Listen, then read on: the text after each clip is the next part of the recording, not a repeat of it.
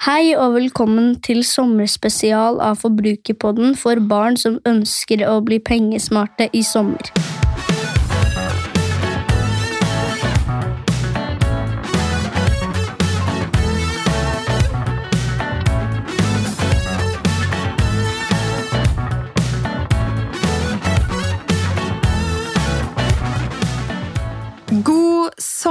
Og velkommen til en spesialepisode av Forbrukerpodden. God sommer til deg som er barn som hører på, og god sommer til deg som er voksen som hører på.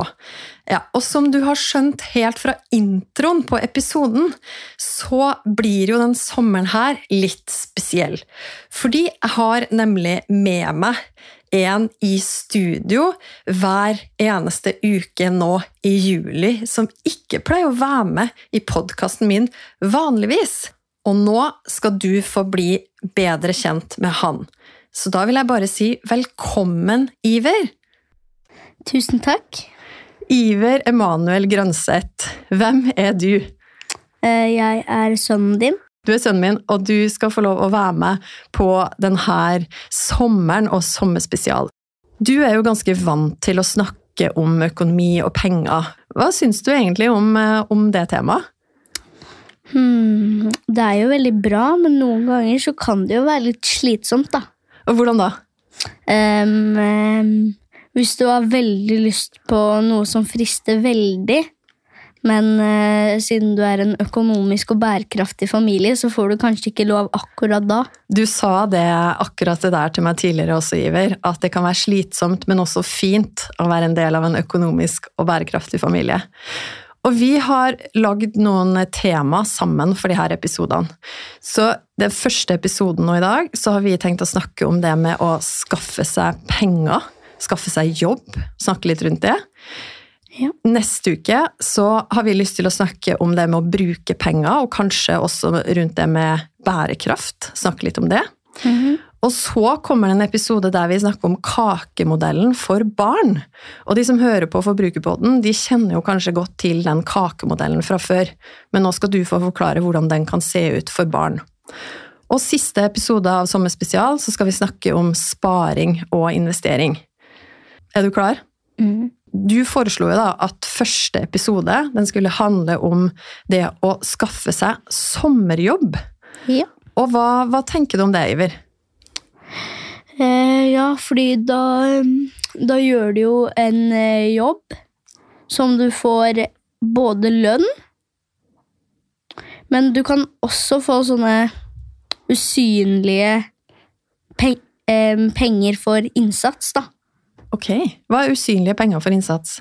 Liksom, eh, du, eh, du blir fornøyd med det du har gjort. Altså Akkurat som i fotball. Det er målene som gjelder, men innsatsen som teller. Det syns jeg var godt sagt, Iver. Og du, vi som er voksne, vi må jo, de aller fleste av oss, må jo ha en jobb for å tjene penger. Og når vi får penger fra jobben vår inn i banken, på kontoen vår, så får vi det vi kaller inntekt. Og det får vi da én gang i måneden hver eneste måned gjennom et helt år. Og så er det jo sånn at når man er barn, så er det jo ikke sånn i Norge at barn må jobbe. Men det å f.eks. få en sommerjobb, det kan være en utrolig fin måte å lære om penger på. Har du planer om å få sommerjobb da, Iver? Egentlig så sa jo pappa at den sommeren jeg ble ni, så skulle jeg få sommerjobb, og det er jo faktisk denne sommeren. Det er faktisk denne sommeren. Og du, Iver, du har jo hatt en, en veldig fin jobb fram til nå. Ikke bare på sommeren. Men, eh, men fortell litt om hvilken jobb du har hjemme hos oss. Ja, det jeg gjør da, er at um, først så tømmer jeg glass og metall. Og så liksom i lønn i hermetegn, da, så um, um, får jeg liksom panteflaskene, og så får jeg penger. Og da blir det delt inn i min egen kakemodell.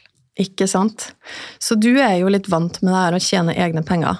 Og så i sommer så er det jo også sånn at du og søsknene dine skal få noen feriepenger fra oss. Mm. Og det er jo også sånn som vi voksne får. Hvert år så får vi jo noen ekstra penger før sommeren som kalles feriepenger.